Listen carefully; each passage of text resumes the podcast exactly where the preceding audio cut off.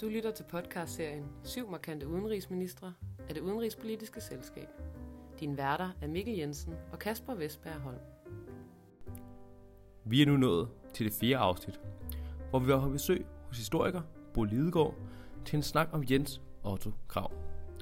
Vi lavede ud med at få et indblik i Kravs opvækst og unge år. Krav er formet af at vokse op øh, et sted i Randers i en stor lejekaserne, boligkarré, som hans far øh, delvist ejede, øh, og i en tid, hvor folk var rigtig fattige. Og han var fra begyndelsen en, øh, en belæst og videnbegærlig øh, øh, dreng, som, som tidligt fik en, en stærk social indignation, som for så vidt fulgte ham resten af livet. Og derfor blev han økonom, fordi han, han var klar over, at hvis man skulle ændre samfundet, så skulle man gøre det gennem de store, den store mekanik i, i samfundet, den store økonomiske dynamik. Og det gjorde ham til velfærdspolitiker, før ordet var opfundet, men den, måske den politiker overhovedet i, i Danmarks historie, som har sat sit dybeste præg på det, vi i dag forstår ved velfærdssamfundet. For krav blev det jo så, eller blev den bestræbelse, eller det engagement, afbrudt af krigen, som samtidig blev en utrolig øh, dramatisk anskuelighedsundervisning i, hvad en statslig styring af økonomien kunne. Han var uddannet i 30'erne, sammen med mange andre økonomer, stærkt inspireret af Keynes, der for første gang havde lanceret de her vanvittige teorier om, at man faktisk ved at bruge flere penge i det offentlige, kunne modvirke konjunkturerne og skabe beskæftigelse, som igen ville skabe indtægter.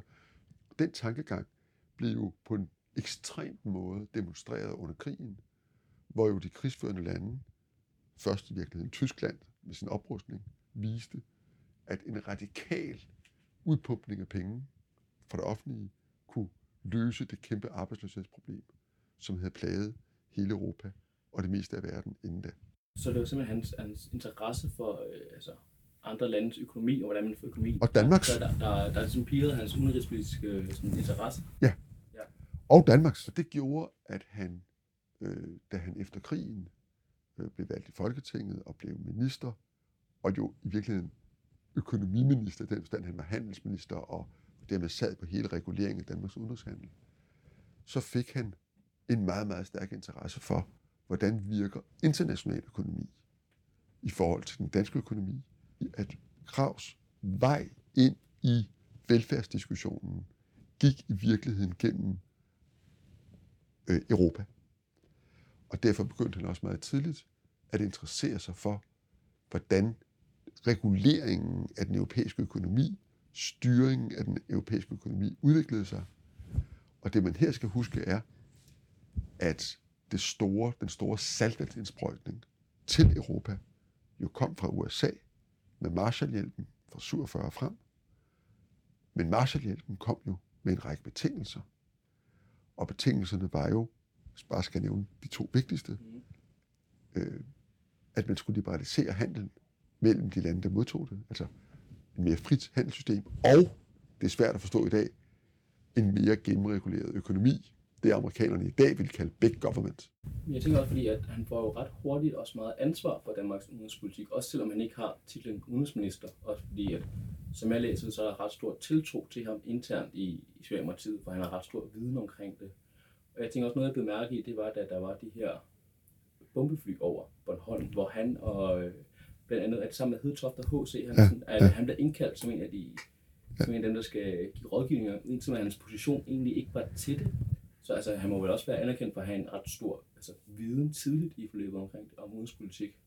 Det, Ankendt internt i Socialdemokratiet. Det, det, det er rigtigt, og der er ingen tvivl om, at de anså ham, også fordi han talte engelsk, øhm, og havde de her forbindelser, som skyldtes øh, de internationale økonomiske diskussioner, at så havde han opbygget et, et øh, internationalt netværk, som modsat den gamle generation, som i denne her forstand H.C. og Hedtoft tilhørte, ikke kun var i Tyskland. For I skal huske, at indtil krigen, der var Socialdemokratiets udenrigspolitiske orientering i meget vid udstrækning nordisk og tysk. Fordi jo partiet var forankret i det tyske socialdemokrati og broderparti med de andre skandinaviske, altså med det svenske og det norske. Det, der jo var det nye efter krigen, var, at det var den angelsaksiske verden, der satte tonen, og Tyskland var jo fuldstændig øh, smadret. Og det betød, at en krav, som var en ny generation, kunne opbygge et netværk til Storbritannien, til London School of Economics, men begyndende også til USA. Og som jeg også er klar over, så endte det jo med, eller ikke endte, så begyndte det, eller endte med, at han i 50 tog til USA som ambassaderåd på den amerikanske ambassade, og, hvor han var et par år, og der fik han jo et ekstremt tæt kendskab til os, det amerikanske samfund, og et amerikansk netværk. Ja, hvad, det, altså, hvad var Kravs syn sådan, på Atlantpakten? Fordi at, som jeg kan læse det, så er han altså, der, han er både, altså ser store muligheder rent økonomisk, men han har jo også sin, sådan, sin bekymringer omkring det. Ja, altså, jeg læser ham sådan, at han tidligere end hans næster og nærmeste, nærmeste øh, chef, Hedtoft, indser, at den skandinaviske løsning, altså den nordiske forsvarsforbund, ikke er muligt. Selvom jeg tror, alle socialdemokrater på det her tidspunkt, altså i 47-48, syntes, at det var den bedste løsning, eller det ville have været den bedste løsning, så var han, ligesom H.C. i øvrigt, ret tidligt klar over, at afstanden mellem, hvad Sverige og Finland øh, kunne gå med til, og hvad der var en ufravigelig betingelse fra Norge i retning af tilknytning til Vest, at afstanden mellem de to positioner var for stor. Og derfor tror jeg, Krav som den ærke pragmatiker, han jo var som politiker, meget tidligt indså, at det var nødvendigt for Danmark at tilslutte sig Atlantpakten. Men havde, øh, havde Krav også nogle, øh, hvad kan man sige, nogle, nogle forbehold over for altså den her tilslutning til netop Atlantpakten og altså den vestlige blok med USA i, øh, i spidsen? Igen tror jeg, at der meget dybt ned i Socialdemokratiet var et ønske om at undgå, at Danmark blev en slags spydspids i den begyndende kolde krig, og dermed også i den militære konfrontation. Og det, som man selvfølgelig lige allermest ønskede at undgå, var jo at blive en del af den atomare konfrontation. Fordi øh, frygten jo var, at med vores meget fremskudte position øh, i forhold til Østblokken og Sovjetunionen, kunne man ende i en situation, hvor vi så at sige fik atomvåben på Bornholm vendt mod Sovjetunionen. Og det scenarie, det var Socialdemokraterne og jo de radikale og langt ind i de borgerlige meget skeptiske overfor. Så derfor var man på den ene side, og det med også krav på den ene side, klar over, at den sikkerhed, som kun USA kunne levere, var nødvendig for Danmark. Men samtidig ønskede man at få den på en måde, som ikke så at sige gav køb på, hvad der var Danmarks lige så vigtige strategiske interesse, nemlig at undgå at blive et, en, en, en, en, et fremskudt baseområde for amerikanske baser. Som så mange gange før hang indrigspolitik og udenrigspolitik sammen. For Socialdemokratiet spillede kommunismen en særlig rolle og var genstand for stor bekymring og frygt. En frygt, som Krav gjorde alt for at sætte en stopper for. Frygten for det, jeg plejer at kalde Socialdemokratiets bløde mellemgulv, øhm, øh, nemlig altså den del af, af Socialdemokraterne, for hvem oprustningen i USA er virkelig et antitema. Det er klart, at der var betydelig risiko for afskaldning til venstre, altså til kommunisterne. Øh, men der var jo tilsvarende også et, en, en front på den anden side af partiet i forhold til de radikale, som jo endnu i den her periode var meget skeptisk over for NATO, og jo principielt forblev NATO-modstandere gennem hele den kolde krig.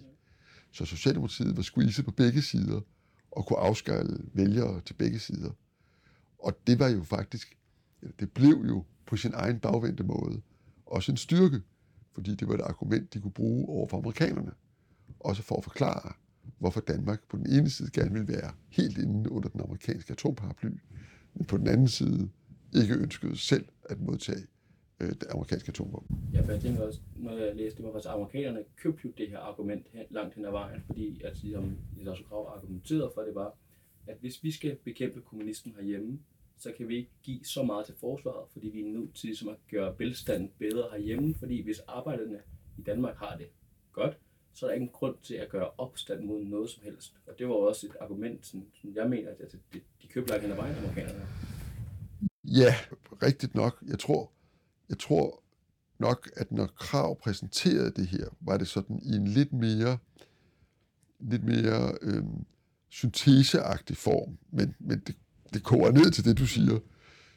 Fordi det, som jo udviklede sig som et mønster op igennem den kolde krig, det var jo, at Danmark blev en slags, slags showcase for, hvordan man kunne have et meget liberalt, meget liberal økonomi, samtidig med, at man havde en, et lovligt kommunistparti, som enhver kunne stemme på, men som jo ved folketingsvalgene fra 47 frem fik forsvindende få stemmer. Men det er jo en variant af det, du selv, ja, siger. Altså, noget af det, øh, som når jeg læser hans øh, form for diplomati, øh, krav, så er det også det med, at han, han aldrig lukkede nogen døre. Altså når han havde, øh, når han skulle øh, forhandle både med Sovjet og med USA, så var det jo ikke, det var meget sådan, han holdt alting åben. Var, var det en taktik, han, han holdt, eller en fejllæsning? Nej, øh, det tror jeg ikke, det er en fejllæsning, men, men jeg vil snarere sige, det er en strategi, en taktik. Hvis du vil opnå resultater for dit land, så er det meget sjældent, du opnår det ved at råbe højt, eller ved at smække med døren. Det er jo først i et helt andet tidsalder, vi begyndte at tro, at hvis vi indfører sanktioner og råber af folk, så gør det nok, hvad vi siger, fordi de, de bliver nok så forskrækket eller lytter så, så, så meget til vores argumenter, at, at de ændrer kurs. Men, men al diplomatisk erfaring og en udenrigspolitisk erfaring viser jo, at sådan opnår man ikke resultater. Øh, det gør man faktisk ved at blive ved med at tale sammen. Og for Danmark i starten af den kolde krig, øh, og i øvrigt videre op igennem den kolde krig, der blev dette at være et land, som aldrig lå på en yderposition, og som aldrig søgte konfrontationen, og som aldrig talte med, så at sige, hævet stemmeføring, men som altid søgte dialogen. Det blev ligesom vores trademark, og grundlaget for den meget aktivistiske og jo i mange henseende meget succesfulde udenrigspolitik, vi førte i de år, hvor krav prægede den. Så kan man, kan man kalde krav en, en form for øh, brobygger mellem øh, hvad kan man sige, Vestblokken og, og Østblokken, i den forstand, at øh, han igennem en lang tid af hans udenrigsministerperiode, også øh, hans statsministerperiode, hvor han jo måske aldrig nogensinde sådan rigtig øh, hvad kan man sige, slipper grebet om, om udenrigspolitikken. Altså, bliver han en slags brobygger mellem, mellem øst og vest? Ja, i betydningen en, der var instrumental, og som gjorde sig vigtig i dialogen mellem øst og vest, og som jo var en af de europæiske og øvrigt NATO-statsledere, som kendte den sovjetiske ledelse bedst personligt, og som måske også var en af dem, der havde den bedste forståelse af, hvordan de tænkte, og hvad deres strategiske målsætninger var. Så i den forstand, ja. I dag har, og han ville sikkert selv have sagt, kaldt sig brobygger, men i dag har, har udtrykket ligesom fået en lidt anden klang, som en slags neutralist, som en, der så at sige står midt imellem. Og i den forstand er svaret nej. Krav var en efterhånden meget overbevist atlantist, og ligesom hans parti i øvrigt, var Socialdemokratiet efter den første tøven lige omkring NATO-medlemskabet, jo overbeviste NATO-tilhængere. Så det, man skal forstå om den her periode, 60'erne og 60'erne, for så vidt også ind i 70'erne, det er, at Danmark på samme tid var meget fast forankret og meget lojal, uforbeholden allieret, og samtidig, og i øvrigt med USA's fulde indforståelse, interesseret i at opretholde den tættest mulige dialog med Sovjetunionen. Og Krav var indet modstander af kommunismen, var synet på Sovjet dog mere pragmatisk og bundet af den virkelighed, Danmark befandt sig i. Krav var bevidst om, at Danmark måtte have det bedst mulige forhold til dem. Krav var jo, var jo rundet af den øh, af Socialdemokrati, der anså kommunismen som deres ideologiske hovedfjende. Den grundskepsis over for kommunismen, altså et virkelig dybt rodfæstet opfattelse af, at det her var altså ikke nogen, der er os selv bare lidt mere venstreorienteret. Men det her, det er vores den fjende af det samfund, vi vil skabe. Den fjende af demokratiet. Den fjende af Socialdemokratiet. Den opfattelse havde krav dybt, dybt ind. Den første socialdemokratiske leder, som er mindre skarp på det, det er Anker Jørgensen. Men for krav er det her, så at sige, grundlæggende. Men det betyder ikke, at han er, den skal man udtrykke det, fjende af Sovjetunionen. Han forstår, hvad Sovjetunionen er, og han opfatter det sådan, at det er meget vigtigt for Danmark at have en, hvis den skal udtrykke det, arbejdsrelation. Altså en løbende, fornuftigt forhold til Sovjetunionen, uden at man på noget tidspunkt må komme i den situation, at Sovjetunionen bliver i tvivl om Danmarks faste forankring i NATO. Når du siger en relation til dem, er så igen økonomien, som driver om at sige, at det er økonomisk fornuftigt for Danmark at have et forhold til det, dem? Det er ikke kun økonomien, det er også økonomien. Men det er lige så meget et spørgsmål om, at Danmark har intet at vinde ved en konfrontation. Sovjetunionen lå der. Det var verdens næststærkeste militære magt. Og vores nabo. Vi havde al interesse i at være på en form for venskabelig fod. Men jeg tænker bare, fordi trusselbilledet med flyet, det ændrer sig også løbende i hans tid. At, at Ja, jo ikke, jo, selvfølgelig, og det gjorde NATO's militære strategier også, men det grundlæggende ændrede sig faktisk overhovedet ikke i Kravs levetid. Og dermed også det grundlæggende, at Sovjetunionen var truende, mm. og at det derfor var en god idé for Danmark at have et fornuftigt og åben dialog med Sovjetunionen. Men altså, det, men, men trusbilledet ændrer sig vel således, at man, man, man går fra at altså, i en vis grad frygte, at Sovjet kan invadere Danmark, til at det, det, det ikke længere synes muligt, at de gør det. Du kan sige, at fra det øjeblik, vi underskriver Atlantpakten, og dermed kommer under USA's atomparaply, ændres det strategiske trusselsbillede for Danmark fundamentalt. Og selvom man talte utrolig meget gennem de år om at forsvare den jyske halvø, så var det jo lidt en pseudodiskussion. Det helt afgørende for Danmark var, at ved NATO-artiklen, eller Atlantpagtens artikel 5, ved den atomare paraply, så var Danmark i en situation, hvor prisen for et anslag mod Danmark fra inden for, fra Sovjetunionen var så, altså risikoen for, at den pris blev høj, var så stor, at det var så godt som utænkeligt, Sovjetunionen ville komme rullende. Og derfor tror jeg ikke, at der var nogen dansk regering, der efter 49 reelt frygtede en sovjetisk invasion. Og igen skal man forstå det her mærkelige atomare spil. Og det var meget aktuelt i 50'erne og 60'erne.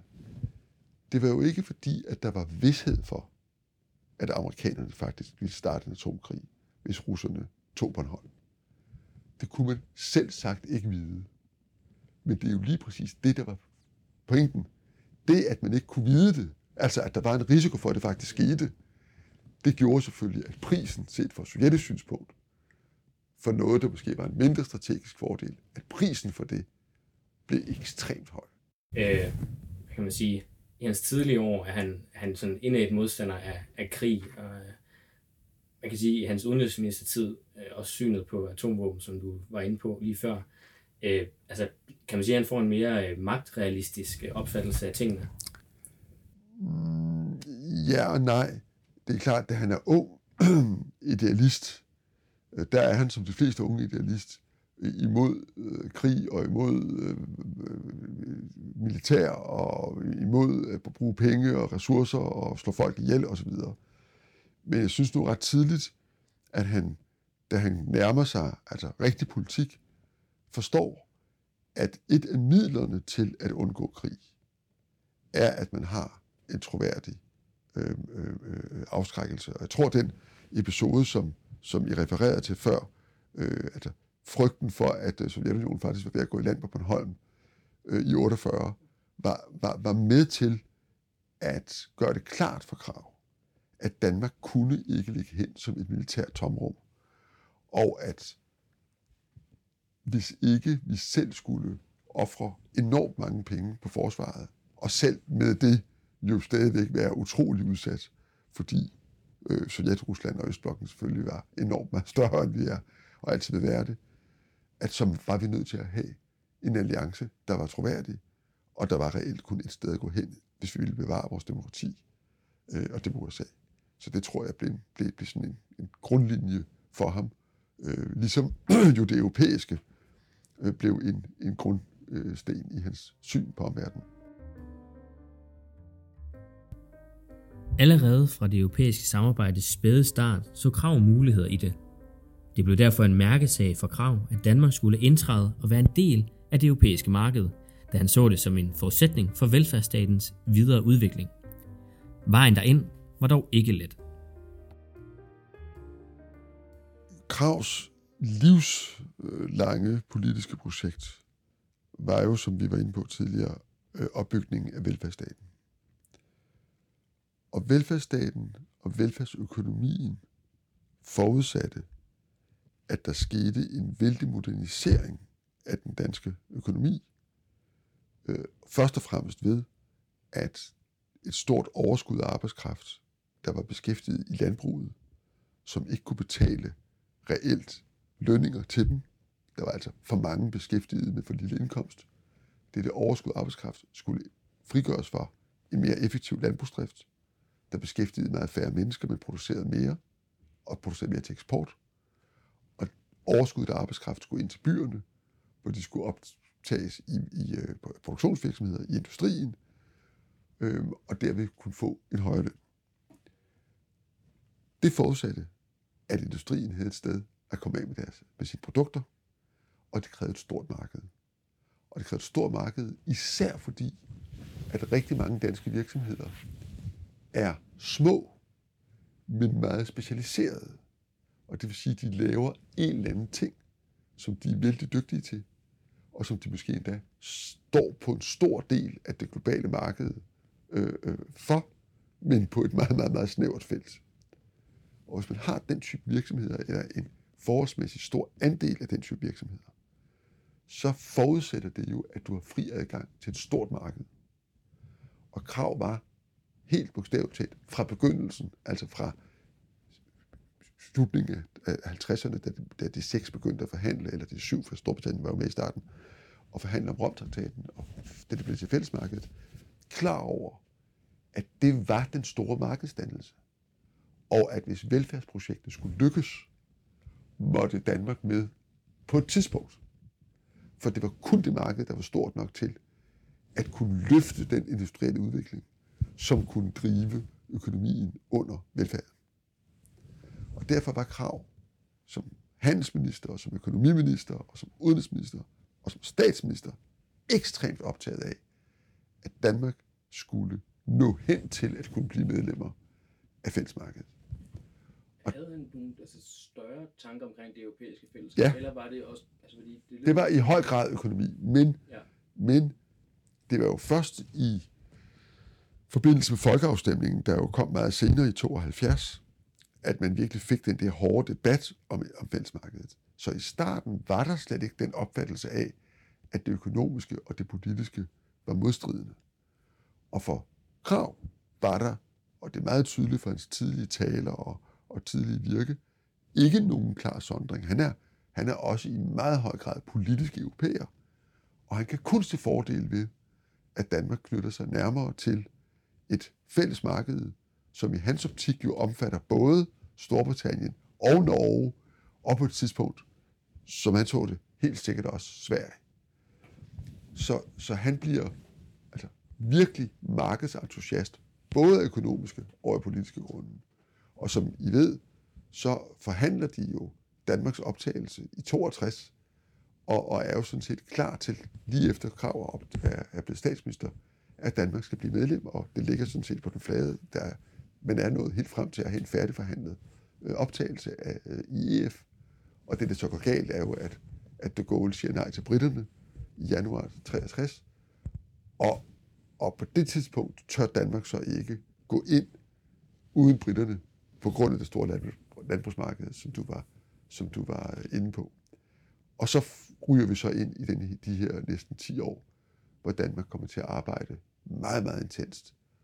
Både med britterne og med amerikanerne og med de, med de seks, for at, at gøde jorden for den udvidelse, der så kommer i 72-73. Der så kommer i 72-73. Øh, I forhold til, øh, som du var inde på, hans mere ideologiske tanker om øh, Europa, øh, hvordan, hvilken rolle så øh, krav Europa spille i øh, forhold til USA, Vest, Vestblokken eller USA og, og Sovjet? Igen falder ordet brobygger øh, lidt på tungen, men, men jo altså ikke brobygger i forstanden øh, en neutral øh, sted i midten, men brobygger i den forstand, at ligesom det ikke var i Danmarks interesse at være strategisk øh, opmarsområde i en konfrontation, så er det jo heller ikke i Europas interesse. Så Krav så i høj grad Europa som et sted, der skulle bevise, også for Øst, at et velfungerende, samarbejdende Vesteuropa kunne skabe en velstand, og hvis et eksempel demonstrerer, hvad vi egentlig kunne, hvad, hvad vi kunne give vores befolkning, vores almindelige arbejdere og, og andre i den lave del af befolkningen, i forhold til, hvad Østblok kunne give deres folk. Og du kan sige, sådan, hvis du bruger et meget lange pensel, at det var jo sådan set præcis den strategi, der i det lange løb kom til at virke, fordi det jo i løbet af 80'erne blev sværere og sværere for Sovjetunionen at bilde deres egne borgere ind, eller Østblokken, at de havde det bedre, end man havde det i Vest, fordi det blev så åbenlyst for alle, øh, at det modsatte var tilfældet. I forhold til, til udvikling af øh, fællesmarkedet, øh, hvordan så øh, krav på det? Altså, hvad var, hvad var målet? Var, var Krav øh, federalist, eller var han mere øh, funktionalist? Han var, han var nok lidt begge dele. Øh, jeg tror ikke, at, at han var federalist i sådan en mere moderne forstand. Men det er klart, at det, at man fik en europæisk union på et tidspunkt, det skræmte han på ingen måde. Men hvad den så præcis skulle bestå af, øh, øh, det var måske ikke helt klart. Øh, men altså, dette, at, at et så tæt økonomisk samarbejde også havde en politisk dimension, han altså en automatisk politisk dimension. Det var han bestemt ikke fremmed overfor, og ikke skræmt af. Tværtimod, det anså han for at være en fordel for Danmark. Et nordisk samarbejde var også på denne tid et omdrejningspunkt i dansk politik. For Krav var et sådan samarbejde ikke dårligt, men det kunne ikke stå alene. Det betød, at han ønskede, at Danmarks indtræden skulle kobles sammen med de andre skandinaviske lande. Historien blev dog en anden. Så var han jo, som, som de fleste i hans tid, meget optaget af at få og opretholde et snævert nordisk samarbejde. Og det var igen hans forudsætning og fuldstændig indlysende ønske, at når Danmark skulle ind i EF, så skulle det ske ikke kun sammen med Storbritannien, men også sammen med Norge. Så i den forstand var han meget stærkt nordist eller nordisk orienteret. Øhm, men han troede ikke på, som nogen gjorde, at man kunne skabe et, et, et, et, et EFTA med de andre nordiske lande, med Schweiz og Østrig, som reelt var, en, og måske på Storbritannien, som reelt var et alternativ til EF. Han så øh, øh, det sådan, at kun EF ville have styrken og størrelsen til at blive det store marked, Danmark havde brug for, og at Danmark havde en afgørende interesse i, at der ikke blev en konkurrence mellem et EFTA og et EF, så Danmark så at sige skulle vælge mellem to retninger af to grupper, øh, hvor Danmark uværligt ville blive taber, uanset hvilken gruppe vi valgte. Så derfor var der i hans udenrigspolitik et element af spilfægteri omkring gentagende forsøg på at skabe sådan en efterløsning, fordi han ikke dybest set selv troede på den. Noget af det, som øh, at Jens Otto Krav kritiserede de andre nordiske naboer for, det var, at de var ikke parate til at ofre noget på grund af deres indholdspolitik. Altså, men folk vil ikke give noget for det større fællesskabs skyld. Men var det ikke også lidt samme kritik, Danmark fik af netop Frankrig? Altså, at man ikke turde tage det europæiske til sig, fordi man var bange for det indrigspolitiske. Så altså, var det ikke en måde, lidt hyggelig den måde, i Sorte Krav så behandlede de andre nordiske naboer på, når han netop egentlig i høj grad gjorde det samme, bare i et europæisk kontekst? Det kan godt være. Øh, det, altså, det er jo sådan, at alle øh, ledere har jo indrigspolitiske hensyn og bliver nødt til at tage dem, fordi i demokratiske lande, det gælder jo også de fleste ikke-demokratiske lande, der er man jo nødt til at tage hensyn til vælgerne eller constituencies, øh, altså de mennesker, som bakker en op på den position, man har. Og det var, den situation var Krav selvfølgelig også i. Og det er formentlig en af grundene til, at han ikke i 1963 siger ja, da de Gaulle faktisk foreslår ham, at vi skal gå ind, selvom britterne ikke kommer med. Ja, for han blev jo tilbudt at komme med alene, det det. og de, der, døren er helt ja. åben til jer. I skal bare banke, banke på nærmest. Præcis. Men, men det tør han ikke på et tidspunkt, på grund af, at markedet til Storbritannien er for stort. Eller hvad? Ja. ja. Noget af det, altså, vi også skulle diskutere, det er også noget, du selv lagde op til inden da, det var, altså, hvad er en aktivistisk udenrigspolitik? Og, og der er flere altså, opfattelser af, hvornår Danmark har ført en aktivistisk udenrigspolitik. Fører Danmark en, en aktivistisk udenrigspolitik på, på det her tidspunkt? I høj grad. Og jeg vil øh, bestemt mene, at vi fører en mere aktivistisk og mere indflydelsesrig, øh, succesfuld udenrigspolitik end, end i de fleste øh, perioder siden, og i hvert fald mere end, end i den periode, hvor man begyndte at tale om en aktivistisk udenrigspolitik, øh, nemlig i, i nullerne. Denne her, kan du sige, øh, overproportionerede danske militære aktivisme, lykkedes det jo lidt tilhængerne af den at, at få til at lyde som om, at det var først nu Danmark er blevet aktivt.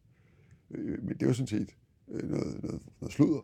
Det var bare en, en, en helt usædvanlig militær aktivisme. Og så øh, det, den aktivisme var, var meget snævert fokuseret på et instrument i værktøjskassen, nemlig det militære. Hvor den aktivisme, Krav stod for, i, øh, især i 60'erne, men, men også i 50'erne, det var jo en aktivisme, der spillede på et meget, meget bredere øh, øh, klaviatur, og som jo også indebar, at det lykkedes Danmark, og ikke mindst Krav selv, at gøre sig selv til en, de andre var nødt til at lytte til, fordi vi kendte andre spillere, herunder store spillere, så godt, at vi selv blev en vigtig spiller. Så, så Krav mestrede det, som måske er det lille lands vigtigste udenrigspolitiske asset, nemlig at gøre sig selv til instrument i en dialog mellem de store. I forhold til øh, Kravs øh, Europapolitik, øh, du kalder ham jo sådan, hvad kan man sige, en aktivistisk øh, udenrigsminister, senere statsminister også på udenrigs, øh, Øh, hvad hedder det, ja, fronten.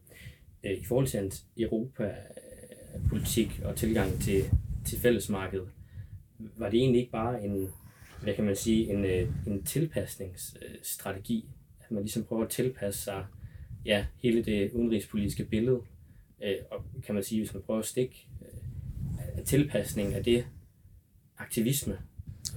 Men altså, hvis man øh, er et land på 4-5 millioner mennesker, altså et af de mindste lande i Europa, så er det at tilpasse sig det, der sker i resten af Europa og i verden, en given forudsætning for udenrigspolitikken. Forestillingen om, at Danmark kan, kan være dem, der så at sige, tvinger andre til at tilpasse os, tilpasse Danmarks dagsorden, det, det hører jo ikke hjemme i, i den virkelige verden.